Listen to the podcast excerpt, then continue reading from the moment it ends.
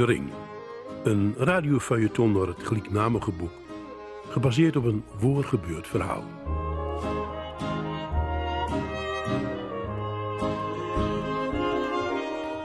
Je luistert naar een podcast van Drenthe Toen. Hierin De Ring.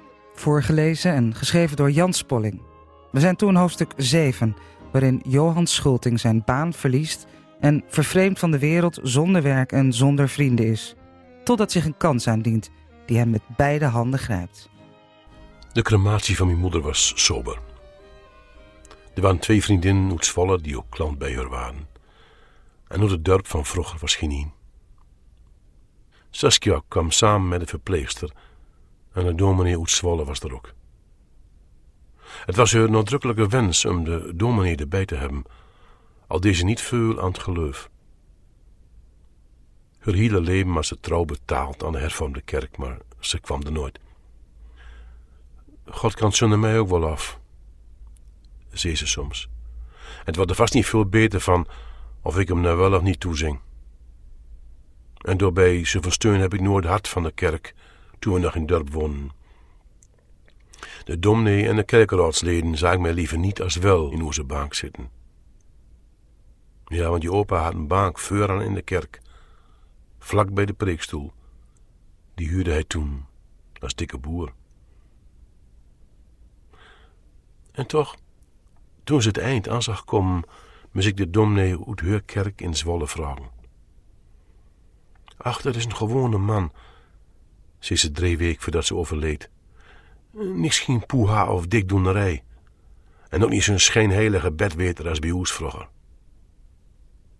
Vraag die mijn jong, komt en of hij wat vertellen wil van de talenten en dat de mensen elkaar de ruimte geven moet. Hij zal wel komen, want ik heb altijd dik betaald aan die kerk. En het hoort er ook bij dat iemand wat zegt.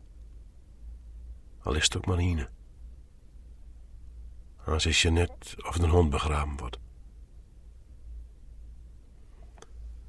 We zaten misschien vier in een klein kamer van het crematorium rond uw kist. Ik had een zee van veldboeketten besteld, want veldbloem had ze altijd prachtig vinden. En een grote foto van stond er middenin, net of ze nog bij die was. En op een bepaalde manier was het intiem en gezellig. Zittend heeft de dominee toen een prachtige toespraak gehouden. En daarna zei Saskia wat, en ook die vriendinnen vertelden wat ze met Mimel met maakt hadden in Zwolle. Alles hier gewoon, het leek wel een visite. Toen iedereen voort was, loop ik naar de kist en ik zei: Vijf toespraken, mam. Meer als bij de meesten. Het leven zonder mijn moeder was leeg. Ik realiseerde mij dat de zorg voor haar de laatste man een veel grotere invulling aan mijn leven gaf dan ik dacht had. We hadden geen intens contact, maar de laatste tijd werd me toch elkaar hecht raakt. En ze vertelde mij in lusse stukken alles over haar leven in het boerendorp van vroeger. Hoe ze als mooie, knappe dochter van een ontwikkelde boer alle kansen had in de wereld. En ze had het over haar idealen.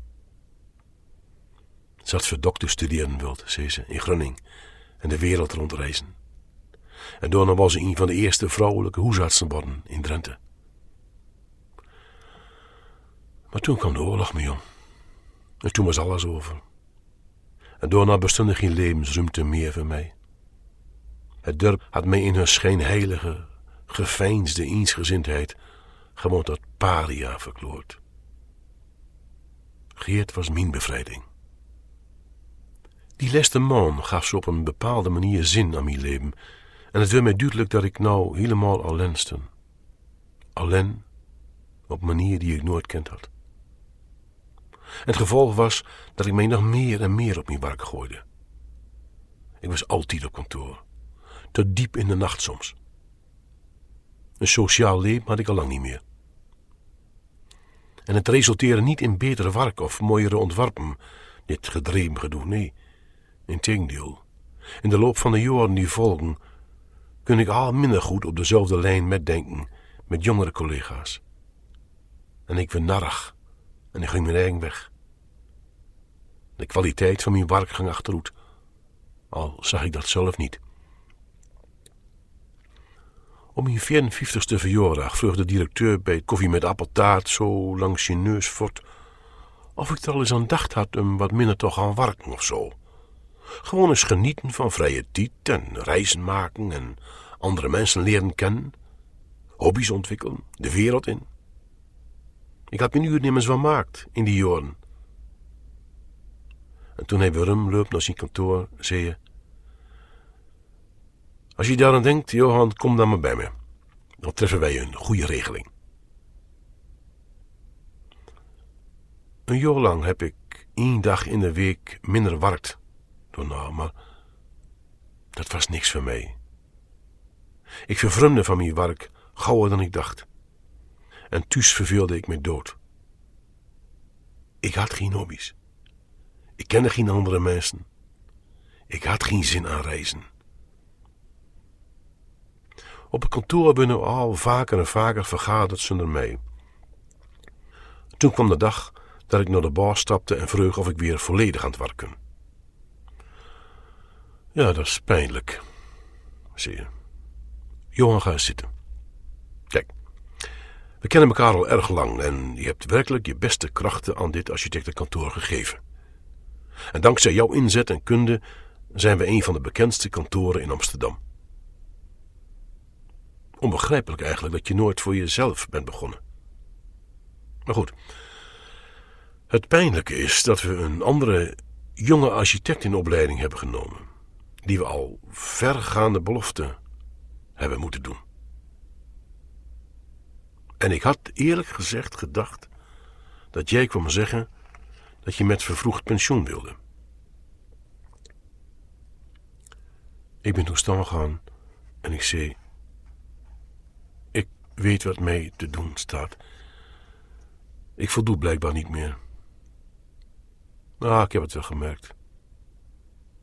De grote opdrachten gingen aan mij voorbij en in overleg werd ik niet meer betrokken. Sommige stukken bereikten mij niet.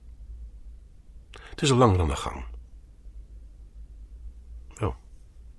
Nou, dit was het dan blijkbaar. Afgedankt dus. Ik groet jullie. Maak alles maar in orde. Ik zie het wel tegemoet. Dag. Het aanbod van een gezellig afscheid heb ik niet aan hem. En na die dag ben ik nooit weer naar het kantoor geweest. En ik heb ook de collega's nooit weer opzegd. Oh, ze hebben het goed geregeld. Dat moet ik ze nageven.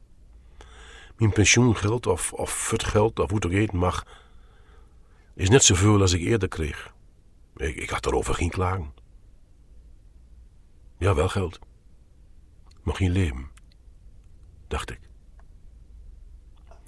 Het moeilijkste voor mij was om weer invulling aan mijn leven te geven. Ik viel in het grote zwarte gat van apathie. Lag lang op bed, ik las niet, keek geen televisie, kookte niet, ging nergens heen en ik zag geen mens meer. Dat heeft misschien wel twee uur duurd. Ik weet niet goed meer. Het leven ging finale mij voorbij en ik heb me nog nooit zo nutteloos en overbodig gevoeld als toen.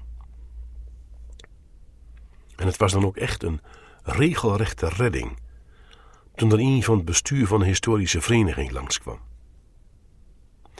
Ze hadden toevallig van een voormalig collega gehoord dat, uh, ja, dat hij een beroemde architect was, die Schulting, en dat die nou misschien wel tiet had en... Uh, nou ja, die had natuurlijk kunstgeschiedenis gestudeerd en geschiedenis was toch geschiedenis en zo. En uh, nou ja, dan waren ze op zoek naar bestuursleden, zei die man.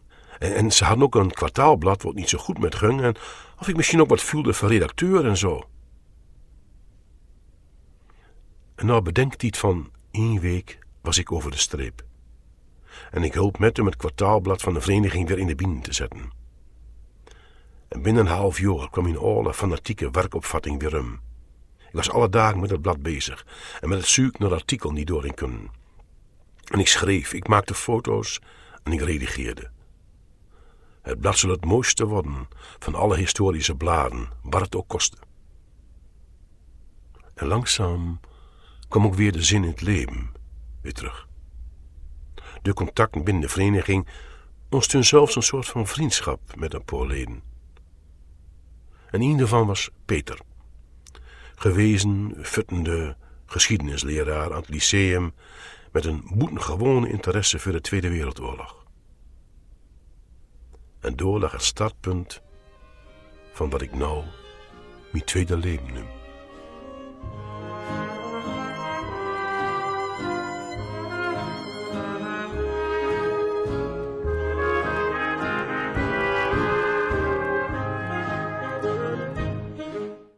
Je luisterde naar een podcast van Drenthe Toen. Luister ook eens naar onze andere podcasts van Casata bijvoorbeeld of de Sportcast. Ze zijn te downloaden via een podcast-app of neem eens een kijkje op onze website rtvdrenthe.nl. En wat we helemaal leuk vinden is als je een beoordeling achterlaat. Alvast bedankt.